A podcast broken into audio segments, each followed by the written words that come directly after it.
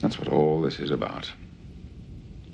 A lot has changed in the past 300 years. People are no longer obsessed with the accumulation of things.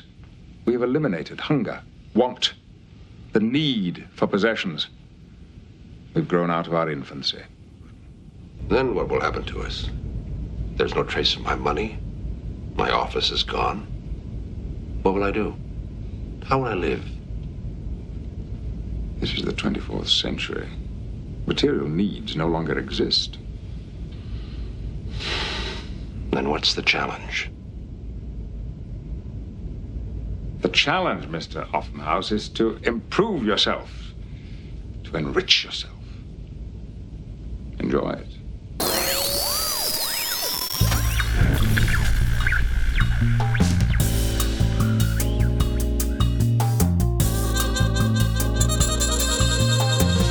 Zeepkast. Opgenomen woensdag 4 oktober 2017. Lieve luisteraars, welkom bij aflevering 42 van De Zeepkast. Jouw bron voor al je science, technology en popculture nieuws. Tegenover mij zit eh, David. En tegenover mij zit Sander. Er gaat een soort bandje aan dan, hè? Ja, dat, het, Ja. het zit er gewoon in. We doen het echt al eh, meer dan twee jaar. Dus dat, eh, Alles goed, David? ja, gaat goed. Lekker. Met jou? Ja, ook. Lekker een kopje koffie aan het drinken. mooi. Een beetje, Ja, eh, ik heb er zin in. Ja, lekker herfstweer weer buiten. Ja, daar heb ik er nog helemaal geen zin in. Ik, eh, nog, eh, ik ben er nog niet klaar voor. Nee. Nee, hoe was je vakantie? Ja, was relaxed. Ik had echt wel een goede periode uitgekozen. En dat was echt zo'n vakantie van... ik wil cultureel gaan doen, maar het was gewoon veel te lekker weer. En ik heb alleen maar met een boek op het strand gezeten. Ja, nou, lekker toch. Dus ik, mo- ik moest echt wel tegen mezelf zeggen van... voel je jezelf hier niet schuldig over. Dit is wat je nu wil doen. Dus, Grappig is dat, hè? Dat je dan een soort drang voelt om nuttige dingen te doen in je vakantie. ja, stom is dat, hè? Die nergens op slaat. Nee, slaat ook helemaal nergens Nee. op. Maar daardoor heb ik wel eindelijk American Gods uitgelezen. Dat was wel nice. Dat is een pil, jongen. Ja, dat is echt een behoorlijke dikke pil. Ja. Ja. Maar het was, wel, het was wel tof. Ik, ik heb dan een versie met eh, op het einde een soort van essay van de schrijver Neil Gaiman eh, over het boek, zeg Mhm. maar. Ben ik nog niet aan begonnen. Maar ik had wel het gevoel dat hij er wel heel veel mee wil zeggen over society en religie en zo. En de, de, ja, waar, we in, waar we in geloven, zij het eh oldschool goden of eh, technologie. En dat is wel in- interessant. Wil ik misschien wel een keertje op terugkomen. Oké, ik ben benieuwd. Het is wel een vet boek. Nu we, ja, we hebben eigenlijk geen hashtag eh, feedback. eh, Is het nu hashtag feedback? Ja, Joh, zo het- kunnen het mensen ons nooit bereiken. het verandert wekelijks, ja. deze, hashtag jongen, factcheck. deze jongen verzint het ter plekke gewoon. joh. Dit is gewoon één aanfluiting dit. Joh, we zijn drie weken afwezig geweest, dus voor mij, ja, ehm, Is het drie weken? weer? Nee hoor, twee weken. twee weken. We zijn twee weken afwezig geweest en ehm, volgens mij hebben we niet zoveel van mensen te horen gekregen. Nou ja, ehm, wat de, uh, wat had, Twitter-reacties Ja. van Lisbeth en eh Sharik. En eh, of we de nieuwe Star Trek al hebben gezien. Ja, ja, ja. Hebben Komen wij. we op terug. Hebben wij. Luister na de spoilerhoorn maar even, toch? wat, ik, wat ik wel even belangrijk vind om in de intro te bespreken... ehm, waarschijnlijk hebben al onze luisteraars dat al gedaan. Heb je het nog niet gedaan, teken even het sleepnet-referendum.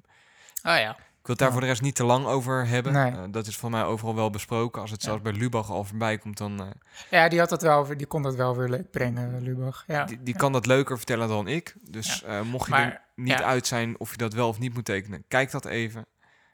Ja, goed, waarom je het wel of niet moet tekenen. Het komt er gewoon op neer van dat er een, een wet komt waarmee eh, de, ja, een instelling, zij het de AIVD, gewoon een wijk kan uitkiezen van daar zit waarschijnlijk iemand eh, die we in de gaten moeten houden. Laten we de hele wijk. Ja.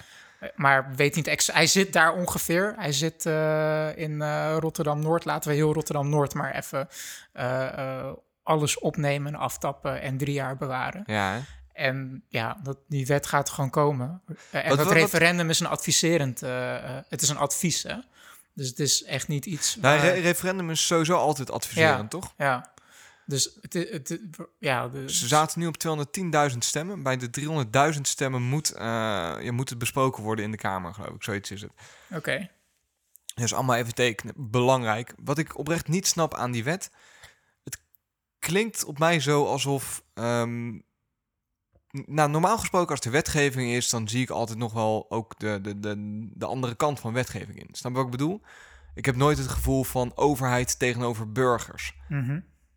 Iedere we- wet of nou, alles wat er gedaan wordt, dat is wel met een bepaalde gedachtegang. Ja. Bij deze wet heb ik echt oprecht het idee, ik, ik zie niet zo goed in hoe mensen hiervoor kunnen zijn. ja, ook, dit, dit, maar dat, dat is misschien dan mijn, mijn, mijn, mijn, mijn, mijn bubbel waar ik in leef. Maar dit klinkt gewoon op mij een beetje als een soort evil wetgeving die er stiekem doorheen gesluist is, die niemand ten goede komt.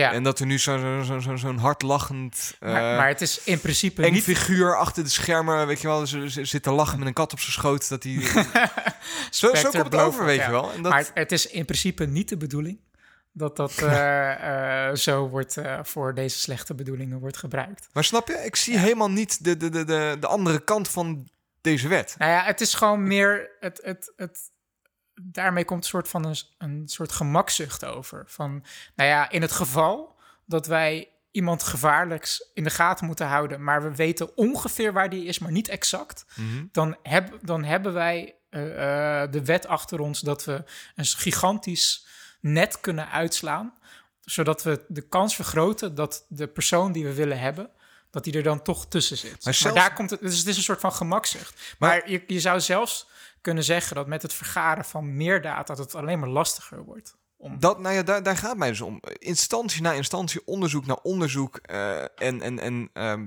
geleerden na geleerden, die roepen allemaal van... dit heeft geen zin, dit werkt niet.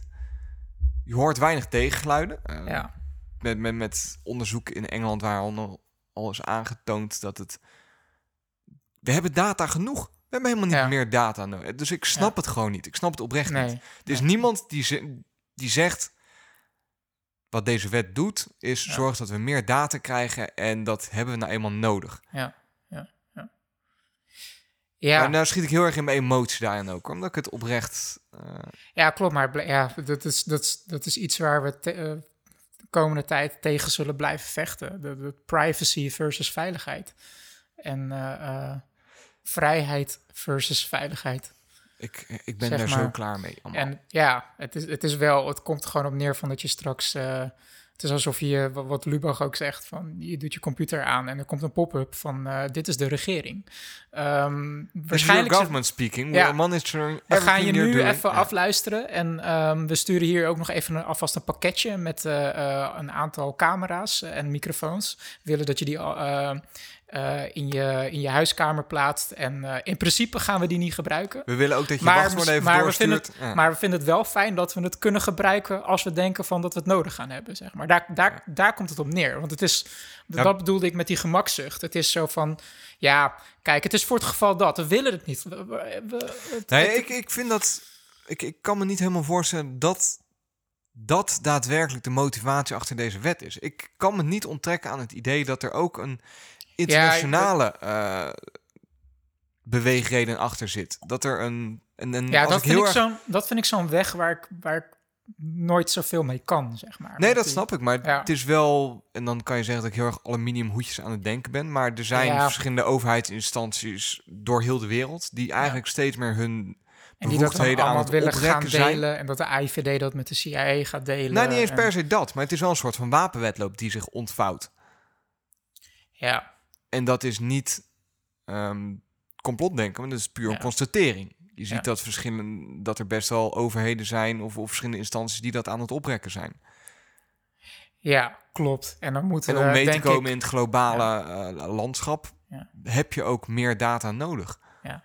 Ja, en dan, ja, en dan kom ik eigenlijk gewoon zelf op het persoonlijk op het punt neer dat we gewoon blij moeten zijn dat we in ieder geval nu nog de vrijheid hebben waarin we ons stemgeluid kunnen laten horen. En daarom vind ik het ook belangrijk dat, dat we dat doen. Dan is de Eh, cirkel mooi rond. Ja, want, als ik, als, ja, want als ik kijk naar bijvoorbeeld. Ik zag, ik, Tekenen. ik zag niet zo lang geleden zag ik eh, beelden eh, op Twitter van een, van een eh, camerafeed in China. Mhm. waarin dat, de, daar zat gewoon een gigantische computer vision systeem achter, die, die constant alles aan het identificeren was. gezien. Ja. Die, die- wat in beeld kwam van, oh, daar loopt een man van in de 50 en Met dat is een vrouw met een fiets. En en- daar rijden auto's. En dat was, dat was gewoon Minority Report tot zijn top, Ja. weet je. Dat heftig So man, gelijk Ja, die moest ik er even uitgooien. Dat vind ik, eh, vind ik Dat is belangrijk. gewoon even een oproep, misschien, toch? Ja, Want tot wanneer, wat, tot wanneer kan er getekend worden? Je kunt nu nog ehm, uit mijn hoofd tot de 14e tekenen. Dus doe dat even. Ja, Ja, nice. En zover de zendtijd voor politieke partijen. echt hè? De tegenpartij. Nee, De Da- tegenpartij. ken je niet? Dat is van, eh van Koten en de Bie. Nee, ken ik Dat niet. is nou, heel bekend. Oh. Jij hebt een... eh, Het is heel bekend, oftewel, ik leef onder een steen, dankjewel. behoorlijk, ja. ja, Nee, maar ja, dat klopt ook. Ik leef ook onder een steen. Onder die steen heb jij wel iets moois ontvangen. Wat? Een hele mooie gouden disc. Vertel me meer. Oh, nice, ja. Ja, ik heb eindelijk, ik heb eh, tot nu toe maar één Kickstarter-project gebackt. En dat was een jaar geleden. Mhm. En ik heb hem nu eindelijk binnen. De, de, de gouden platen van, eh, van Voyager ter ere van het 40-jarig jubileum. Mhm. Want in eh, september 1977 eh, heeft NASA twee satellieten langs een tour langs de grote planeten gestuurd. Ja, nou ja, een tour impliceert dat je terugkomt ook, toch? Nou, niet per se. Ja, mm, weet ik niet. Maar gewoon een, een, als missie om langs de, de grote gasreuzen heen te vliegen. De, de, Nicknamed The Voyagers. Ja, de, de Voyager-missie. En de, de missieleiders, een aantal missieleiders realiseerden zich, van, want je zegt terecht van ja, Mhm. ze komen niet terug. En ze zullen waarschijnlijk ons solar system verlaten. Ja. En er was een klein groepje mensen die dachten van, zou het vet, hoe vet zou het zijn als we een bericht eh, op de, eh, de satellieten plaatsen, zodat mocht het ooit gevonden worden, en dat is puur speculatie, Ja. Dan ehm, staat daar een bericht op van de mensheid. Een soort, soort be- eh, ja, message in a bottle, bericht in een eh, Message in a bottle. police. Ja. Een bericht in een fles die we in, het, in de grote kosmische oceaan gooien, zeg maar. En dat was ook geen... Want dat was niet de eerste keer. Dat was geïnspireerd op eh, eh, een eerdere missie van eh, Mhm. En daarin stonden... eh, eh, de- op de Pioneer wa- was een gouden plakkaat geplaatst... met een, eh, een, ja, een soort abstract bericht... en een plaatje van een naakte man en een vrouw... en, en, en de satelliet... Ehm, Is ja, dat de, de Vesuvian Man die daarop staat? Nee, Vitruvian Man. Nee, dat, V- dat is, nee, ja, dat is ja. van... Ja, dat is niet- van, niet- hoe heet die, niet? Michelangelo. Nee. Nee, niet Michelangelo. Da Vinci? Eh, da Vinci, Ja. juist, juist, ja. Als ik het goed heb. De Vitruvian Man. Maar nee, dat, dat is het niet. Nee, nee, nee. Want die klopt ook niet trouwens, die Nee? tekening. Nee, nee, de moet ik- dit doe ik uit mijn hoofd. Dus als Ja. die klopt, knip ik het eruit. maar En als het wel klopt, dan pak je Ja, credits. ja, want de, de Vitruvian Man, dat, was, dat, dat zit dan in zo'n cirkel. Dat en een, eigenlijk een vrouw. en een, Pum, pum. en, een, en een vierkant. En eh, het idee van eh, ehm, Da Vinci was om een soort van ubersymmetrisch, dat, dat wij ubersymmetrisch zijn en zo, maar dat is Ja. helemaal niet waar. Dat klopt niet. Dus dat, dat eh, was een idealistisch geometrisch beeld van de mens Ja. in een cirkel en een vierkant, wat gewoon wishful, wishful thinking was, zeg maar. Dat de mens soort van de ultieme, eh, eh, de ultieme design was, zeg maar, het ultieme ontwerp. Ja, dat denken wij graag. Dat denken wij heel Ja. graag, dat wij heel speciaal zijn, maar Ja. dat valt reuze mee in werkelijkheid. Helaas. Maar Ik eh, ga naar huis, jongens. Ik ben er klaar mee. We Ja. Een beetje beledigd en zo. ja, joh, wij zijn gewoon een, een knipper, een, een, een, een klein vonkje op een stofvlekje in de, in de grand scheme of things. Dat is True. gewoon helemaal niet zo. En wij eh, sturen nu dus een nog kleiner vonkje met iets Ja. van data erop. Sturen wij Ja, zo ver mogelijk weg. ja. De hoop dat iemand het vindt. Ja, en vorig jaar, want dat, was dus in 1977, dus nu 40 jaar geleden, was er een bedrijf die dacht van, nou, laten we ter ere daarvan, laten we even een pakket maken, een, een reissue van die platen. Want ik Mhm. zei net, het was al eerder een gouden plakkaat eh, via, eh, via de satellieten Pioneer de ruimte ingestuurd. Eh, wat, er, wat er uniek is aan Voyager, is dat er echt een vinylplaat eh, is gestuurd in het, eh, in het goud. Mhm.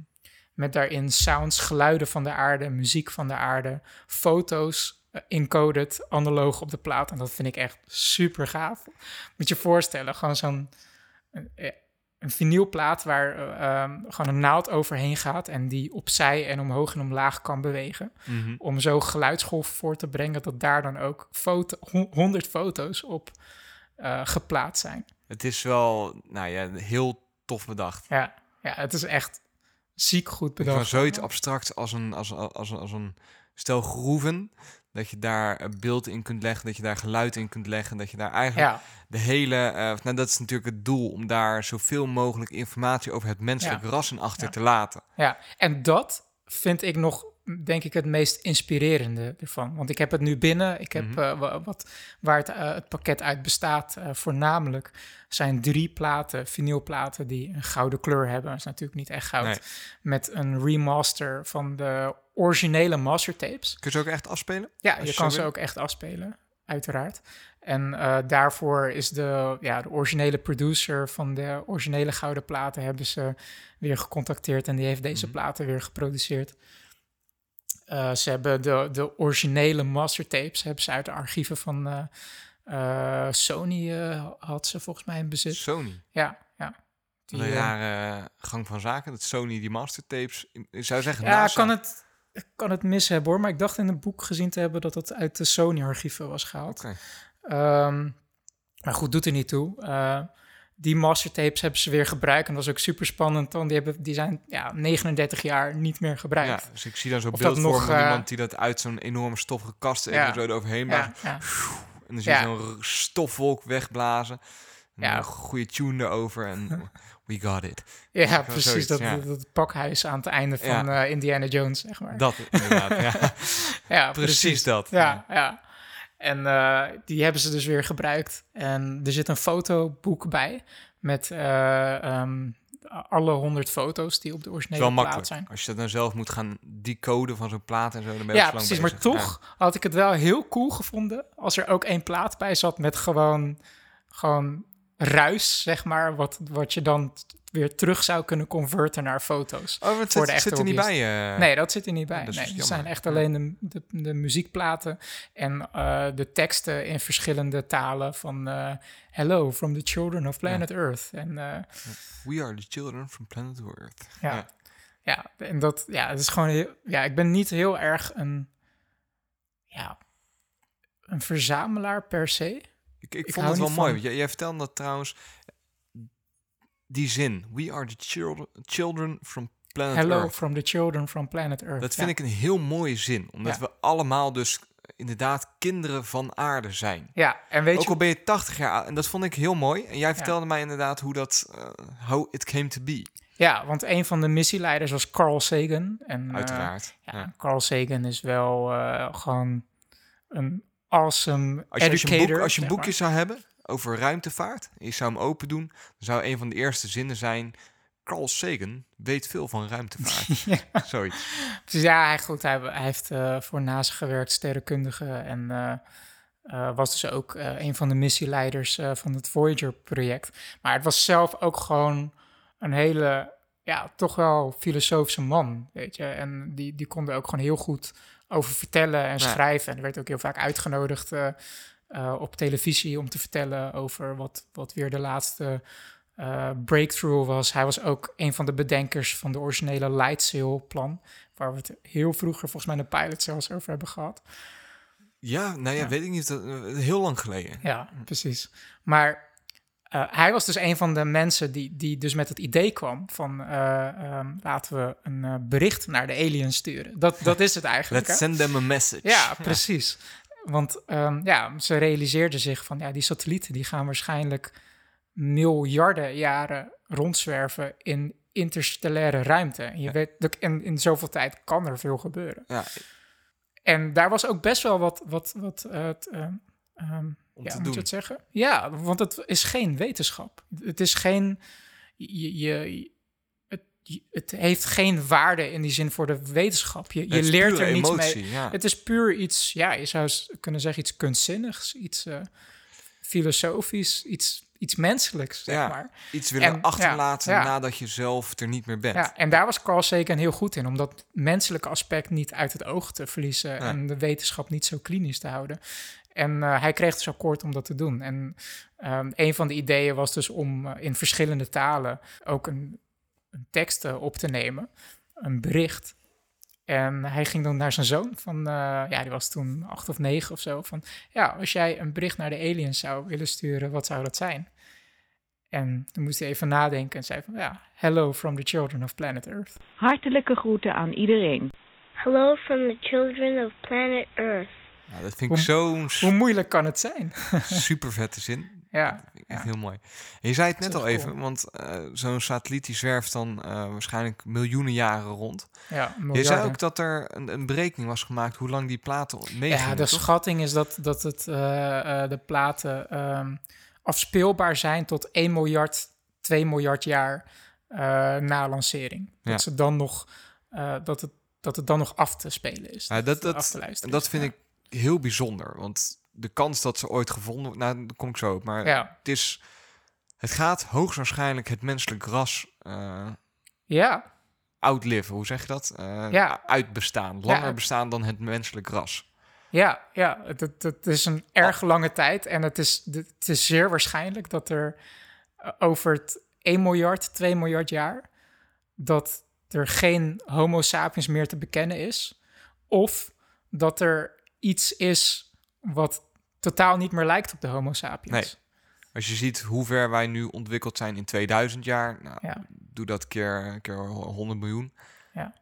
Ja, ik denk niet dat dat, dat, dat, dat, dat, Dus daar mag her- dat het herkenbaar Nee. is voor ons. Ja, precies. Dan is dit voor iedereen, voor alle mensen, iets dat langer bestaat dan wat dan ook. Ja. Wat wij hebben gecreëerd. Ja, ja. Dat vind ik wel heel bijzonder. Dit is waarschijnlijk... En dat, dat vind ik dus ook. Want, want de- ik, ik vind dat nog interessanter zelfs dan dat het potentieel door aliens gevonden wordt of zo. Eh, Nee, want- Waarvan ik denk dat die kans gewoon wel klein is. Nou ja, op zich, als zoiets een miljard jaar bestaat, 2 miljard jaar, Ja. dat vergroot wel de kans aanzienlijk dat dit ooit ergens opgepikt wordt. Mhm. Ja, maar wat, wat ik er interessant aan vind, is dat wij eigenlijk een soort van samenvatting gemaakt hebben voor onszelf. Van dit zijn wij Tot nu toe. tot nu toe, inderdaad. En dat dat straks rondzweeft, of misschien zelfs ergens in een of andere Alien Society museum of laboratorium wordt ontleed, zeg maar. Ja, Terwijl de mens er niet meer is of onherkenbaar is. En dat de planeet Aarde eh, onherkenbaar is. Misschien, is, misschien lijkt de, eh, de aarde tegen die tijd wel op Mars. Of eh, ik, heb, ik weet eerlijk gezegd niet eh, wanneer eh, onze zon, zeg maar, Uitgaat, explodeert. ja. Ehm, het zou dus kunnen dat de zon dan geëxplodeerd is, zeg maar. Nieuwsflash, de zon gaat exploderen. don't panic. Ja. Ja, precies. Maar ja, dat het een soort van samenvatting is van onze mensheid. En dat is zo krachtig, zeg maar. Want als je door die. Als je kijkt naar de muziek die erop staat, eh, van klassieke muziek tot aan Chuck Berry, rock and Ja. roll. ehm, de muziek van over de hele wereld, eh, Azië. wij... Midden-Oosten. We hebben Sineke erop staan, toch? ja, wij. ja, ik weet niet of we daar zo trots op moeten zijn. En vooral ook de foto's, die 100 foto's, waarin je dus gewoon. Dat hebben ze echt goed gedaan, zeg maar, die foto's verzamelen. Want ergens, als ik het, als ik het zo bekijk, het, is, het komt uit de jaren 70, Mhm. maar toch vind ik het een soort van heel abstract en tijdloos nog steeds de mens weerspiegelen. Ik vind het helemaal niet gedateerd, zeg maar, die, die, die foto's. En, want ik was laatst bij mijn ouders en ehm, ja, mijn vader die komt dan eh, uit de jaren 50. En als Mhm. ik die foto's zie, dan denk ik echt van wauw, dat is echt... Ook gewoon op de achtergrond zie je zo'n gigantische eh, radiotoren eh, Dat is met, echt- met waarschijnlijk een buizenversterker erin en een LP-speler erop en zo. En ook die klederdracht en alles is gewoon echt super, super gedateerd. Ja. Als ik deze foto's kijk, dan zie ik gewoon, ja, gewoon echt mensen van allerlei culturen die elkaar, die voor kinderen zorgen, elkaar voeden, zichzelf voeden, ehm, natuur. Ik, Ja, ja, het, Tijdloze het, het, dingen staan erop. het raakte me Ja. wel, weet je, van ja, dit zijn wij. En het wordt dan extra bijzonder als je dat, als je dat combineert met eh, wat... eh, er is één hele mooie foto eh, die aan het einde van de Voyager-missie... Ja, kom ik zo nog op terug, want de Voy- Voyager-missie is eigenlijk niet echt afgelopen. Nee. Maar toen de Voyager-satellieten, zeg maar, de hoofdmissie, dat ze langs de laatste planeet Mhm. vlogen, zeg maar. Uh, toen dacht Carl Sagan van, ja, laten we de camera terugkeren naar de aarde en laten we een selfie maken. Zeg Ja. maar. Dus de, ja, weet Ja. ik. Ja. En de, een van de medewerkers uh, um, in de control center, toen ze de foto's aan het uh, ontwikkelen waren, Ja. toen, ja, het was super pixelated en die dacht van, oh, er zit een stofvlekje. Dus die probeert het weg te vegen. En toen dacht ze opeens van, wacht, ik probeer nu de aarde weg te vegen. Dus ze dacht dat, dat, dat, dat de aarde was zo'n klein blauw pixeltje, zeg maar, in de foto. Ja. Dat ze dacht van, van oh, dit is een foutje, dit is een, dit is een vlekje, zeg maar. Probeert ze weg te vegen. Oh, pff, ik probeer nu... En daarom heeft hij de toepasselijke naam, die foto. Ja, de, de foto heet de Pale Blue Dot. Mhm. En in die foto um, zie je zeg maar een zonnestraal reflecteren in de lens. En de, de, de pale blue dot, het kleine blauwe pixeltje, zit precies in zo'n zonnestraal. Dus uh, Carl Sagan had er ook een mooi poëtisch tekstje voor geschreven van uh, de aarde suspended in a sunbeam. En dat dat allemaal, al die, als je dan die foto, die honderd foto's kijkt en de muziek, het komt allemaal van dat, Ja. dat kleine stipje van een heel klein stukje tijd. Um, in de grote geschiedenis en de 4,5 miljardjarig bestaan van dat kleine stofvlekje. Ja, dat is gewoon super krachtig. Ja. Weet je, dat dat gewoon één ding is. En dan besef je dat, dat, dat uh, kosmische perspectief, zeg maar. Van dat al die verschillende culturen en die grenzen en die oneenigheden die wij met elkaar Waar hebben. hebben we het over? Dat ja. dat echt helemaal nergens op slaat, Ja. zeg maar. Ja, mooi. Dus dat, uh, uh, dus dat vind ik het, het zegt dat eigenlijk concluderend wat ik daarover wil zeggen is dat de, de Voyager Records, de gouden plaat van Voyager, mm -hmm. is bedacht als een, als een, een boodschap tot de buitenaards leven. Mm -hmm. Maar is misschien een nog veel krachtiger boodschap tot onszelf. Ja. Zeg maar. Het is gewoon zo'n goede spiegel. Want waarschijnlijk gaat het toch nooit ergens gevonden worden. Nou, de, uh, een van de calculaties is dat over 40.000 jaar Mm -hmm. uh, dat het uh, in de buurt komt van, van een ster. Pas over 40.000 jaar komt Ja. het in de buurt van een ster. En dat is dan 1,6 lichtjaar van uh, Gliese nog wat. drie cijfers. Ja. en dan denk je van ja, in de buurt 1,6 lichtjaar. Nou, dat is hetzelfde als je op een eiland zit en je ziet ver, ver, ver in de verte zie je een, uh, de, de, de, lichten van een boot zie je iets feller worden en daarna weer dimmen. En nog correcter, als je zelf op die satelliet zou zitten, ja. je ziet gewoon heel lang zie je gewoon uh, um, de sterren om je heen. Gewoon allemaal lichte lichtpuntjes en de zon die zal dan het helderste zijn. En als je heel, heel, heel, heel goed oplet, dan zie je langzaam een shift in, in, de, in de, de sterrenstelsels, zeg maar, in de, de, de, de formatie van de hemellichamen. Maar omdat, je, omdat die referentie zo klein is, eigenlijk, als je op die satelliet zit, heb je het gevoel, stel dat het zou kunnen, hè, ja. theoretisch denken. Jij, jij zit zo op die satelliet ja. en je, je hebt het 40.000 net... jaar overleefd Ja. en je zit er nog steeds. En je hebt wat, wat trek, maar goed, je hebt niks meer, dus je blijft rustig zitten. Ja. Maar dan lijkt het eigenlijk, omdat die referentie zo klein is van die snelheid, Mhm. omdat die afstanden zo groot zijn, lijkt het net alsof je stil zit.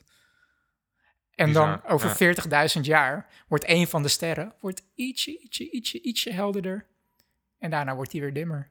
Ja. That's it. Dat is het over 40.000 jaar. Dat hij dan soort van in de buurt komt van een ster. Ja, bizar. Dus dat, dat geeft ook aan die belachelijke ja, maar goed, dan heb je het over 40.000 jaar. Terwijl ze verwachten dat die platen 2 miljard jaar meegaan. Klopt, ja. Dus dat is, dat is ook ja, niet, niet relevant dat die pas Nee. over 40.000 jaar daar is. Nee, nee, nee, maar dat is nog iets wat behapbaar is voor ons, Ja. voor ons brein, zeg maar. En ik zei net van ja, de missie is nu niet helemaal over. Wa- Wat we nu doen is eh, meten. Want we kunnen er nog wel mee praten, toch, met de Voyager? ja, ja, we hebben drie gigantische satelliet ehm, schotels op aarde. Mhm.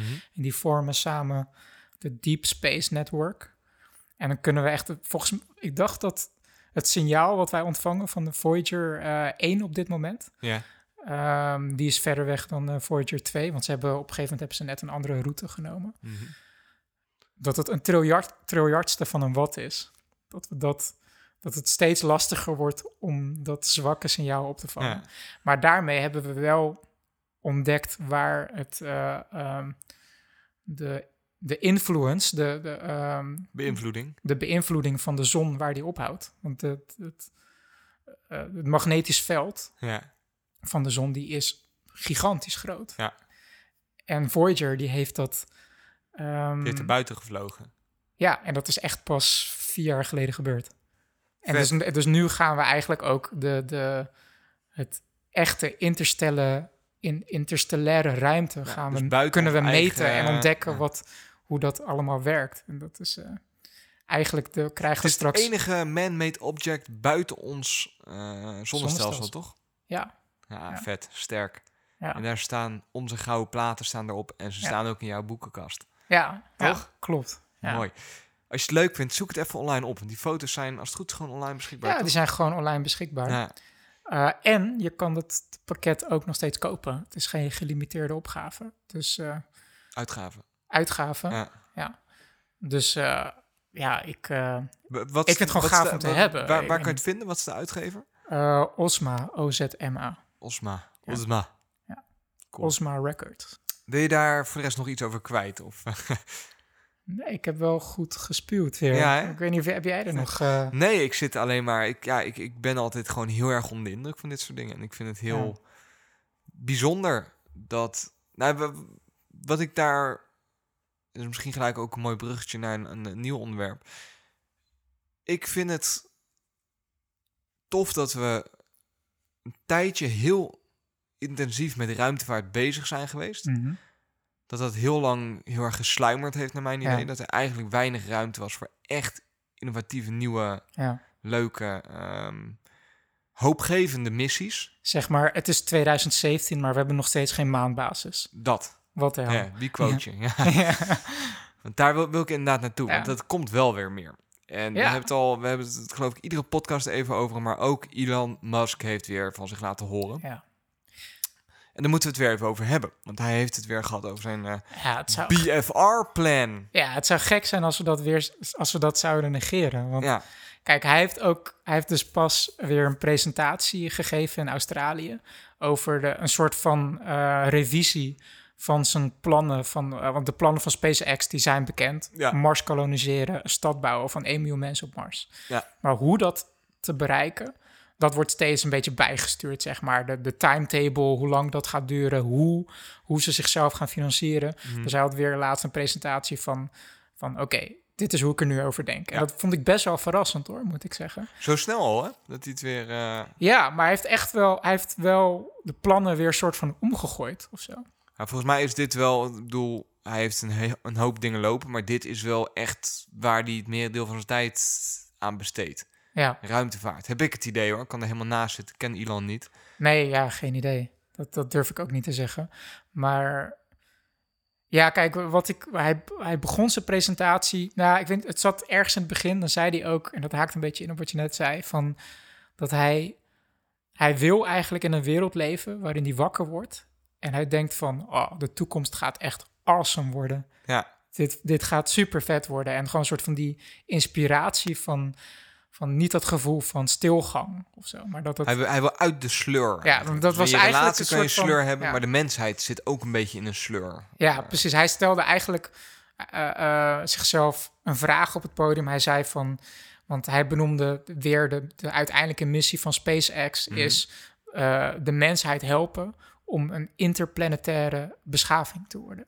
Ja. En dan zei hij gelijk van, ja, maar waarom dan? Ja, omdat het, omdat het awesome is. Omdat dat gewoon een toekomstvisie is waarvan je, wat ervoor zorgt dat je 's ochtends wakker wordt en je denkt van, oh, dit, ik wil hier aan werken. Het is een gezamenlijk dit- inspirerend Juist, doel, zo moet je het misschien zien. Ja. ja. precies. En dat, ja, dat reflecteert inderdaad wel die periode van de 60s. Maar dat is dan weer natuurlijk wel gemotiveerd. Ja. Ook weer met de Koude Oorlog natuurlijk. Maar ook dat idee van die Nou ja, je, je, aspiratie je moet jezelf van... misschien als, als, als volk ook af en toe de vraag stellen van... Are we the best we can be? Zijn Ja. wij het beste, zijn we de beste soort die we nu kunnen zijn? Ja, En ik denk dat het antwoord er nooit ja op is, maar ik denk dat het nu best wel volmondig nee is. Dat Ja. met een hoop randzaken bezig zijn die er eigenlijk helemaal niet toe doen. Ja, nou, ik, ik weet niet of, het, of, je, of je moet afvragen of we nu het beste zijn. Want ik geloof niet dat. Wat, wat is het beste? Hoe definieer je dat? Zeg maar? Ja. Dat kan je heel breed trekken. Ik denk eerder dat je. eh, en dat, nou, deze aflevering krijgt, krijgt er misschien een Star Trek tintje, eindelijk eens een keer. maar ik ben nu ook weer een Next Generation aan het kijken. En daarin zat een aflevering van ehm, dat ze een oude satelliet, eh, koppeling met Voyager, dat ze een oude satelliet vonden met ehm, ingevroren mensen. En die kwamen dan uit de 20ste eeuw. Serieus? Ja, dus ze ontdooiden die mensen, waren iets van drie overlevenden. En dat, waren dan, dat was dan echt zo'n moeder die dan emotioneel raakt, want ze de kinderen nooit meer gaat zien. En, maar er zat ook een businessman tussen die gewoon heel, die zichzelf heel belangrijk voelde met, oh, dit is nu de, de, de 24ste eh, eeuw. Ehm, ik heb een aantal aandelen, die zijn nu met honderden jaren, zijn die gigantisch veel waard geworden. Ik moet Ja. mijn, eh, ik moet mijn weer, advocaat ja. moet ik spreken. En, en Capt Jean-Luc Picard, die zat iets van, ja, dat is, niet, dat is tegenwoordig niet meer belangrijk. Want we hebben replicators, er is geen, er is geen ziekte meer. De, we, hebben geen, we hebben geen geld meer nodig. En die zakenman die zei van, ja, maar wat doen jullie dan? Ja. Toen zei Jean-Luc Picard van, ja, wat we nu doen is gewoon kennis vergaren en, en bedenken hoe we beter kunnen, hoe we beter kunnen worden. Ja. Geniet ervan. En dat zo'n awesome zin is dat, weet je. Van dat, eh, en dat maakt, denk ik, Star Trek ook zo awesome. Dat dat ook die visie reflecteert. Ja. Van dat, dat, dat zo'n samenleving echt awesome kan zijn, zeg maar. Interplanetair, geen ziekte, technologie, wat, wat dingen Ja, als we op een gegeven moment alle, alle major obstakels wel een beetje overwonnen hebben. Ziekte, oorlog, honger. Dan kunnen we focussen op de echt leuke dingen, Ja. zeg maar. En dat, dat En is... daar beginnen we te komen nu, hè? Nou ja, de, die, ik weet niet of we daar beginnen te komen. Eh, maar er is wel weer, er is weer aandacht daarvoor, zeg Ja. maar. En Maar goed, voor we, Elon Musk kan het niet snel genoeg. we, we, zeg we dwalen af dat- inderdaad. Want Elon die Ja. is eh, als, als, als, als een kind dat wakker wordt met kerst. eh, en die, die, die, die Ja. wil dat het inderdaad sneller gaat. En die heeft weer een nieuw plannetje bedacht. Of zijn plannen bijgesteld, zo moet ik Ja, ja, ja, precies. Want hij zit altijd met het, het idee van... oké, hoe ga ik dit betalen? Ja. En eh, het is hem nu al zes... eh, tenminste hem. Het is SpaceX. eh, eh, is het al 16 keer gelukt om een Falcon 9... Mhm. ehm, Succesvol. su- eh, su- succesvol laten te laten landen. En dan alleen de, de eerste, st- de first stage. Wel het gelijk het duurste onderdeel. Ehm, en ze, hebben, ze, ze hebben ze zelf al hergebruikt ook, hè? ja, ja, Ja. ook al hergebruikt inderdaad. Ehm, en daar verdienen ze nu ook mee, omdat ze dus ook regelmatig dus daarmee satellieten de ruimte inschieten. Eh, ze willen... ehm, Zij zijn met- de enige die dat kunnen. Dus het is een win-win situatie. Ja. Als NASA zegt, ik wil dat je dit de lucht inschiet... Ja. dan kan SpaceX dat veel goedkoper dan dat NASA het zelf zou kunnen. Ja, dat, nou, NASA is zelf ook nog steeds... eh, ze hebben nog een project lopen voor een eigen raket, hè? Dus dat wordt nog interessant. hebben we het al, ook al een keer kort over gehad. Eh, maar wat ik zo grappig vind, is... Want waar het eigenlijk nu op neerkomt... is eh, Elon Musk zegt van... Oké, nou ja, we hebben nu Falcon 9, dat werkt. Ehm, ja, daar wil ik dus geen aandacht meer aan besteden. Al onze resources gaan vanaf nu naar de BFR. Ja. En dat staat voor Big Fucking Rocket. Onofficieel. Onofficieel, want ze zijn nog steeds op zoek naar een naam. Want die, die gigantische raket hebben we al een keer eerder benoemd. Dat was echt ter grootte van een wolkenkrabber. Ja. Nou, daar hebben ze iets bijgeschaald. Hij wordt toch ietsje kleiner, maar nog steeds huge. Echt fucking groot, zeg maar. Echt, echt een BFR. Ja, ja. En het plan was origineel dat dat het schip zou worden die naar Mars gaat. Ja. Maar Elon e- en zijn team die hebben nu bedacht van ja, als we daar toch mee bezig gaan zijn met de raket, kunnen we net zo goed een all-purpose rocket van maken die alles gaat doen. Dus ook satellieten de ruimte in gaat schieten. Eh, ook gaat dokken aan het ISS-ruimtestation. En dan hebben ze een foto laten zien. Het publiek die barst in lachen uit. Omdat je dan, zeg maar... Oké, de International Space Station is groot. Ja. Maar als je die BFR gedokt ziet aan die ISS, dat is bijna komisch, zeg Ja. maar. En, en dan hoor je iemand, ja, ja, ja, de, de Space Shuttle, die, die in, de, in eh, de 20e eeuw werd gebruikt, ja, die was ook groot, zeg maar. Maar Ja. deze is echt heel groot, zeg maar. Echt groot, ja. En ja, daar wil hij nu gewoon alles mee doen. Dus, hij Ja. heeft, dus eigenlijk heeft hij gezegd van, ja, als onze klanten... Ik vind het zijn gedachtegang zo mooi. Ja. Van, ja, ik heb dan die raket, die is best wel groot. ja, En ik ga in eerste instantie nog niet mensen mee naar Mars schieten, dus ik heb die dingen staan. ja, Wat kunnen we ermee? ja. Dat vind ik echt tof. Misschien kunnen we gewoon zoals bussen in gaan zetten. Dat is eigenlijk zijn gedachtegang, toch? Ja, ja, maar dat kwam er toen ook nog bij. Want eh, dat was helemaal het einde van de presentatie. Maar waar, waar die, wat hij dus heeft gezegd is... Want hij, hij draaft weer door. Hè, want de, ehm, eigenlijk het hele Falcon-project is nog niet eens afgelopen. Hè, Nee. Want er was nog een belofte dat ze met de Falcon 9... ook eh, astronauten naar de ISS willen versturen. Dat doet nu Rusland vooral. Is nog niet gelukt. Is Mhm. al over datum. Dat, dat gaan ze nu, dacht ik, volgend jaar doen de Falcon Heavy, wat eh, eh, een veel zwaardere versie, versie van de Falcon 9, die zou al in 2013 gelanceerd worden. Die is nog niet gelanceerd. willen ze hopelijk eind, eind dit jaar gaan doen. Maar het hele Falcon-project, die Die is ook vrij groot trouwens, hè, de Falcon Heavy.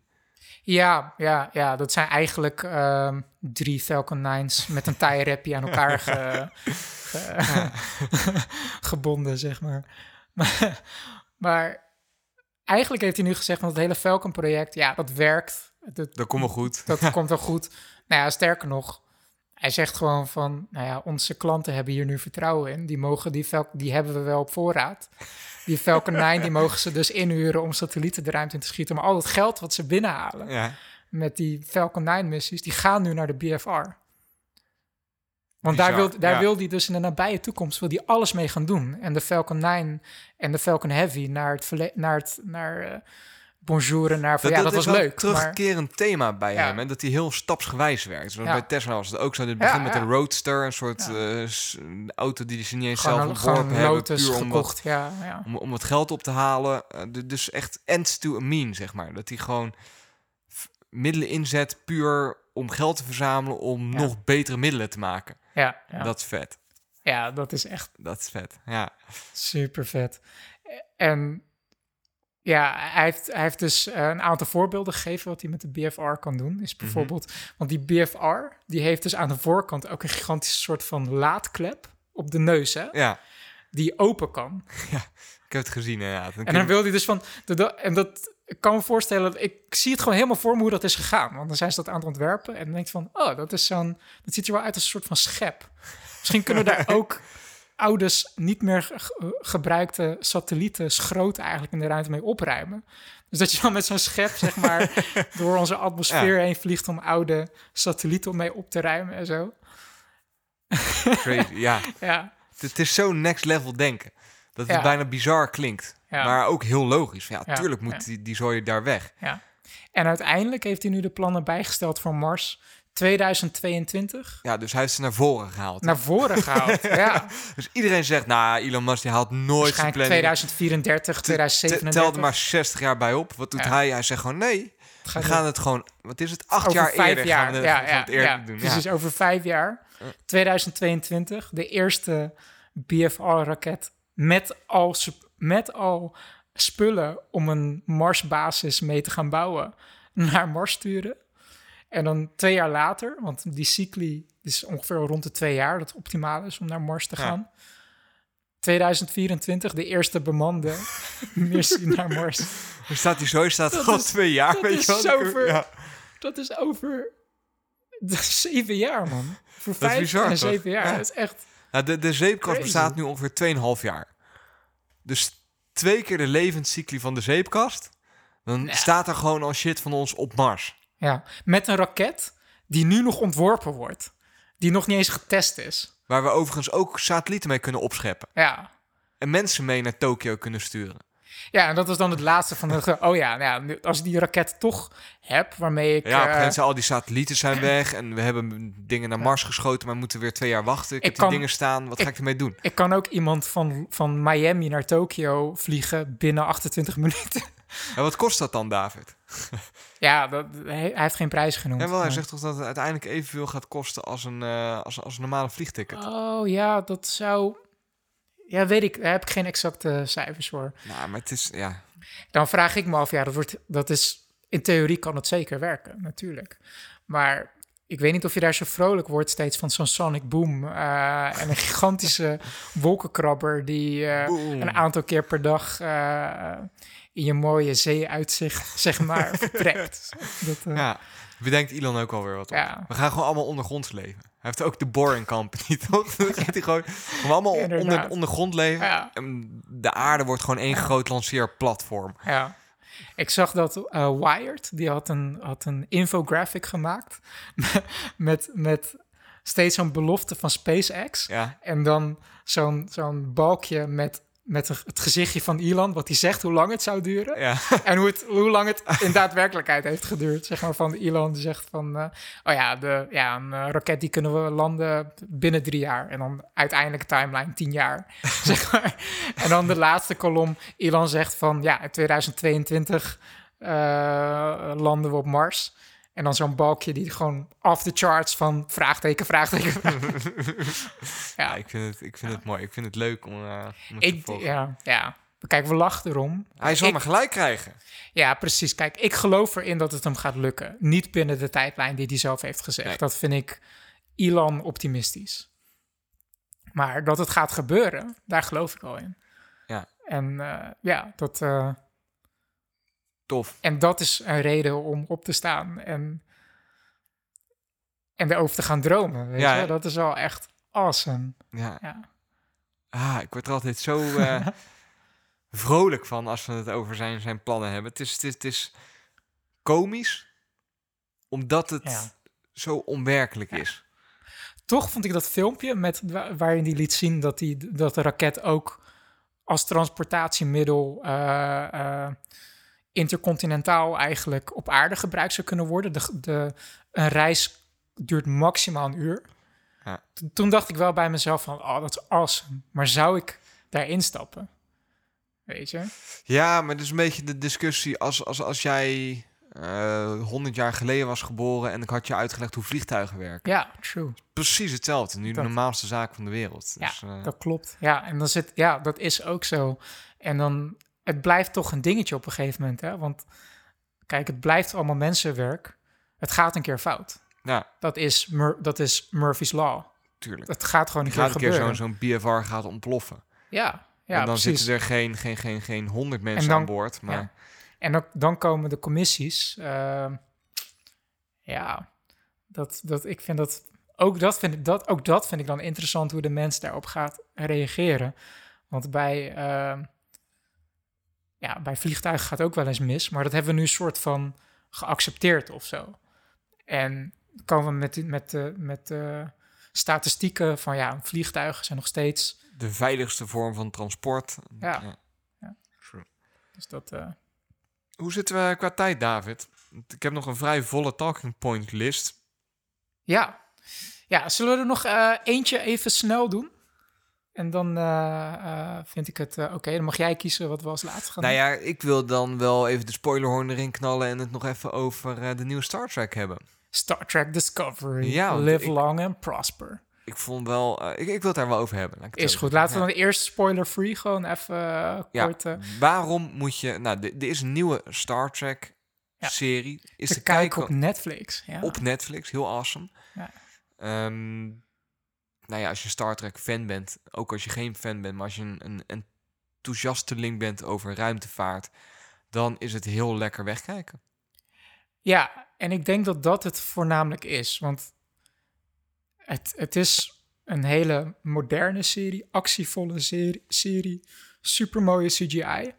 Ja. Er zijn nu drie afleveringen uit. Ja, het is wel bizar. Het is alsof je iedere aflevering Ja. opnieuw naar een film kijkt die wat Ja. kort duurt. Want ja, ik, ik, we, we houden nog spoiler-free. Want toen ik eraan begon, toen, Mhm. toen de show begon, dacht ik, kreeg ik wel een soort van het Star Trek gevoel. Maar dat hield op, voor mij vrij snel op toen de actie een beetje begon. Toen werd het heel. Precies Toen werd het. Ik vind het. En ik vind het. Ik vind het heel tof. Mhm. En het kijkt inderdaad lekker weg. En ik blijf het zeker volgen. En het is misschien nog ook nog te vroeg om dat te roepen. Maar Het is eigenlijk een beetje alsof er een Transformers sausje over Star Trek heen is ja, het is heel generic. Het is heel. eh, Het had, het had ook gewoon zomaar een hele. Een, had ook een space-serie kunnen zijn. En niet, het had niet per se Star Trek hoeven. Het had, het had niet per se Star Trek hoeven heten tot nu toe, zeg Nee. maar. Dus het heeft de Star Trek technologieën, de Star Trek rassen. Maar daar houdt het voor mij ook een beetje op, zeg maar. Het heeft niet echt die Star Trek. Nou ja, Star Trek is natuurlijk beroemd om ehm, dat het niet draaide om blockbuster. Nee, het was eigenlijk een soort spiegel voor de mensheid. En ik haalde eerder in de aflevering het voor- voorbeeld aan uit The Next Generation. Van Star Trek en Starfleet was niet conflict-based. Nee. En natuurlijk kwam En als elkaar dat- conflict tegen, maar hoe los je dat op een, op een Diplomatieke- moderne diploti- diplomatieke manier op, zeg maar. Het was een heel diplomatieke serie. Ja. Dat is er best wel uitgehaald. Ja, en gewoon echt de grote vragen stellen. Van dan kom je met een bepaald dilemma, ethische dilemma's. Er is. eh, ehm, ja, en het kan van alles zijn. Dat, dat een android, is dat een mens of een machine of een bepaald ras? Moeten we, moeten we ingrijpen of moeten we, het, eh, moeten we de natuur Moeten we laten gang, van ja. zaken laten gaan? Dat soort dingen. Dat is voor mij Star Trek, zeg Ja. maar. Dat dat gewoon... de- en dat was ook de visie van de, van de bedenker van Star Trek, Gene Roddenberry. Ehm, dat hij in de jaren zestig een crew voor zich zag die bestond uit een vrouw, een Aziat, een, eh, een eh, donkere, eh, een gekleurde man. Ja. ga Heel- zo maar door. divers. Ja. En er was geen en, en dat was en dat was gewoon normaal en ja en, en nu is het voor mij die nieuwe show is tot nu toe vrij generic van oké actie en het, het is wel vet maar ik hoop dat dat Star Trek ehm, to boldly go where no one has gone before zeg maar Ja. dat dat dat is er nog niet zeg maar dus dat eh, ja, ik, ik ben benieuwd als seizoen 1 Even- even- afgelopen is waar het naartoe gaat. Disclaimer, ik heb de eerste twee afleveringen gezien en er zijn er nu geloof ik drie, uit. Ja, dus je hebt, je hebt, je je hebt de eerste Ja, drie gezien. ja? Ja, klopt. ja, want ik deel jouw gevoel daar wel hoor. Dat ik vind dat ze weinig vragen stellen en veel eh, visual effects porn erin knallen, zeg maar. Ja, Dat mag wat meer in balans zijn. ja, ja. Wat ik wel heel tof vind, is om... Ik zie wel de mogelijkheden. Als je een- Ja, Wat ze eigenlijk zouden moeten doen, is puur een remake van Star Trek. Als je kijkt naar de originele series. Als je Ja. daar een remake zou maken met hetzelfde budget en dezelfde visuals als nu de nieuwe Ja. Star Trek. Dat zou super awesome zijn. ja, gewoon, ja, maar dat, dat, ja, net wat ik zei, dat concept, die Star Trek feeling en de Star Trek filosofie, maar dan met een budget van nu. Maar daarom is het ook gemaakt voor deze tijd. En ik ben helemaal niet tegen verandering of zo.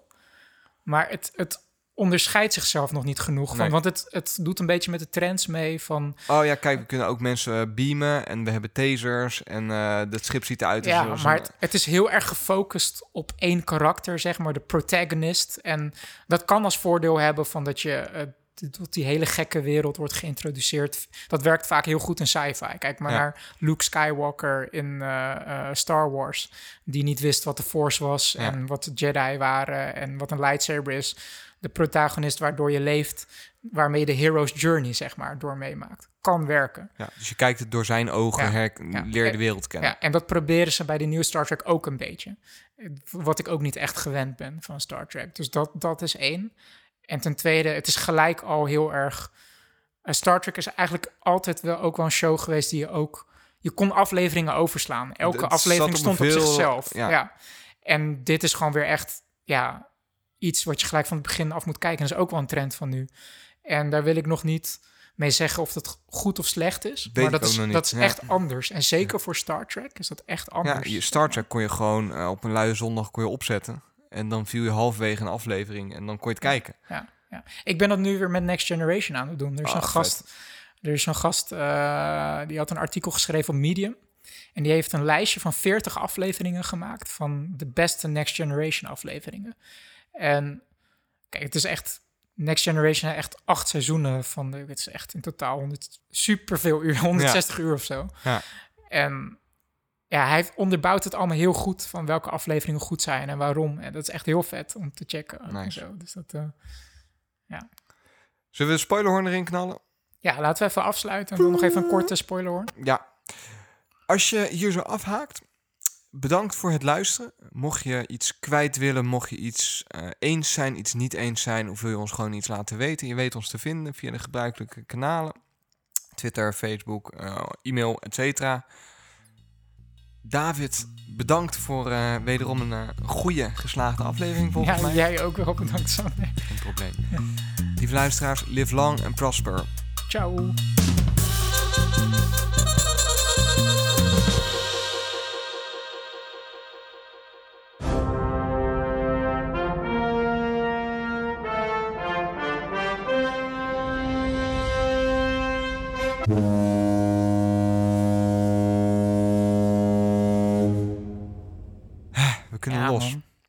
Vond je ervan? Ja, eigenlijk voortbordurend op eh, wat ik net zei. Ik kreeg aan het begin kreeg ik echt wel die Star Trek feeling waarin je de, de captain met de first officer op een planeet zag lopen. Mhm. En ehm, je, je werd eerst geïntroduceerd met een soort van de cultuur van de Klingons. En Vind ik heel intrigerend. vond ik ook heel intrigerend. En ja, toen kreeg ik wel echt de... de het was wel een beetje Hollywood-ish, maar eh, zeker... Ja, gewoon, je zag eh, zo'n crew op, op, eh, op het dek van de Shenzhou, de USS Shenzhou. En toen dacht ik van, oh, ik heb hier zin in, man. Ja, hè? En voor mij werd het heel erg generic toen het conflict begon met de, met de Klingons. Met de Klingons. Ja, hè? Ja, dat, toen had ik zoiets vond ik van... jammer. Wat, Ja. ik, wat ik wel heel tof vond was ehm, de Vulcan Way, zeg maar. Dus eh Ja. een Vulcan Answer, of hoe zei ze dat? Nee, eh, De eh, Vulcan Hello. De Vulcan Hello. Dat, Ja. dat vond ik heel tof bedacht. Van oké, als we nou ehm, een ras tegenkomen, dus wat de Klingons zijn, dat puur leeft voor conflict, voor vechten. De enige manier om hun respect te winnen is door, Door gewoon zodra Ook ze te vechten. te ver gaan, gewoon op te blazen. Ja. Dat vond ik echt tof bedacht. ja. Maar Star Trek zijnde, eh, hoe, het- hoe, ja, hoeft dat niet zo uitgetrokken en, en enorm bloederig, ontploffend in beeld Ja, gebracht. Ja, ja het, het kan subtieler, Geworden. zeg maar, Ja. dat, dat concept. Want inderdaad, kijk, waar ik echt aan moest wennen... is die, de hoofdpersonage Michael Burnham. Ja. Die Zij overigens een vrouw is. Ja, Ja. die een mens, inderdaad. En een mens is die op, eigenlijk opgegroeid is onder de Vulcans. Dus zij heeft eigenlijk de menselijke biologie... maar is opgegroeid met de cultuur van de Vulcans. En daar struggelt ze heel erg mee. Ja. Alleen ik vond wel, zeg maar... in de tweede aflevering zie je dan een flashback van toen ze eh, zes jaar geleden, Mhm. zeg maar. eh, Ik weet precies wat je wil gaan zeggen. zij kwam, zeg maar, met, met haar Vulcan vader eigenlijk Ja. aan boord. Super En, intrigerend. ja, en ze, en ze, ge- Ze gooit in één keer heel dat toneelstukje dat wij als mensen opvoeren, gooit ze overboord. ja, en ze gedroeg zich echt als een Vulcan, super logisch. Ja. En ja, dat is gewoon echt Spok. eh, ehm, zag haar, haar houding, Ja. hoe ze sprak.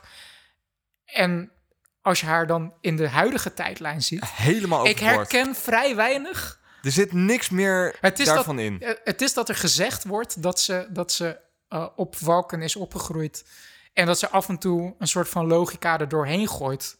Maar ik merk er vrij weinig van. Het, het voor is meer een Dus trucje het is- dat ze af en toe kan aanboren. Om Ja. even, even logisch na te denken. Ja, dan en dat, dat het, ze Falcon martial arts heeft. Maar voor de rest herken ik... En dat is gewoon... Dat vond ik... Er is wel heel veel gebeurd ik in vind het jaar. ook zeg echt zo jammer. Ik zou het zo vet vinden als zij gewoon echt die, die, die menselijke emotionele banden niet snapt. Wat ook heel logisch zou zijn als je altijd Nou, in bent kijk, opgegroeid. Ik, natuurlijk, in zes jaar is ze wel natuurlijk wel geacclimatiseerd tot de mensen. Maar ik vind het misschien iets te veel 180 graden of zo. nee, het is gewoon Snap compleet je? weg. Ja. Ja, ja, precies. En dan vind ik zelfs dat ze, zij is misschien voor mij misschien wel een van de meest irrationele characters. Niks wat ze doet is logisch. Echt helemaal niks. Ja, Het is nooit een logische analyse met, met, met, met, met eh, actie en effect. ja, Het is altijd op emotie gebaseerd. Van ik ga nu de crew redden. En dat Ja. heeft helemaal... Ja, en ik ga nu ga ik toch die Klingon doodschieten... terwijl het eigenlijk helemaal niet handig is. Ja, terwijl ik dat net zelf heb uitgelegd. Eh, Zoveel plotholes waarvan ik zeg van... Dit is niet handig. Waarom doe je dit? Weet je? we, we moeten het schip niet opblazen, want we moeten hem gevangen nemen. Oh nee, we gaan het toch opblazen. Ja. Het, het is zo... Ja, vond Ja, ik ook. Dat vond ik, dat vond ik jammer. Dat maar. frustreerde me bij Vlagen Ja. ook hoor. Dat ik dacht van, ah, kap nou. Ja, ja. Want over dat... eh, Ik wil dan Act wel, like Vulcan. ik wil dan wel inhaken op die Vulcan Hello. Want dat was echt inderdaad briljant bedacht. Dat die Vulcans, die, die, eh, Puur uit logica die kregen door van... Oké, de Klingons zijn eh, oorlogslustig ras. We moeten hun respect afdwingen door ook te gaan vechten. Dus sindsdien eh, schieten de Vulcans altijd eerst als ze een Klingon tegenkomen. En daarmee hebben ze respect gewonnen.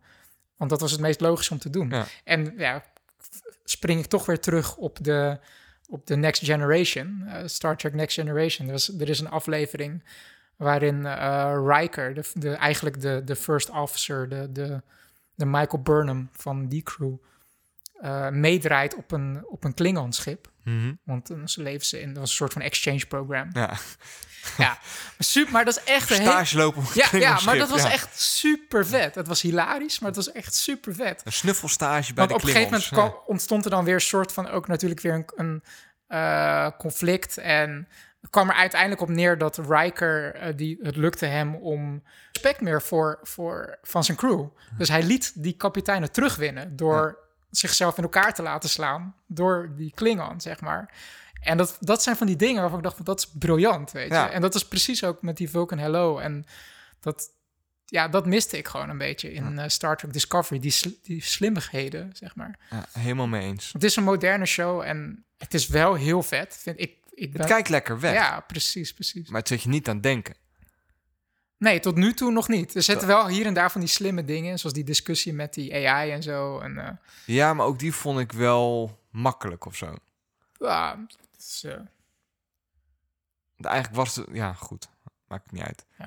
maar eh, heb jij er nog iets over te zeggen? Of, eh? Nee, ik denk ook dat we dit niet... eh, maar de, ik, ik ga wel het seizoen afkijken sowieso. En Misschien als absoluut. er... Ik, ik hoop dat ze toch iets meer gaan doen met die Vulcan-achtergrond.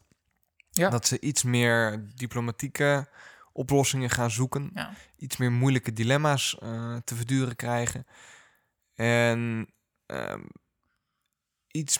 Nee, nee, dat. Daar hou ik het bij. Mhm, Ja. mhm. Jij? Ja, same. Same, hetzelfde. We gaan het eh, zeker in de gaten houden. Ik, ik ga, blijf het echt elke week trouw kijken. Ja, hè? Ja, vet. Lieve luisteraars, bedankt voor het luisteren weer. Live long and prosper. Ciao.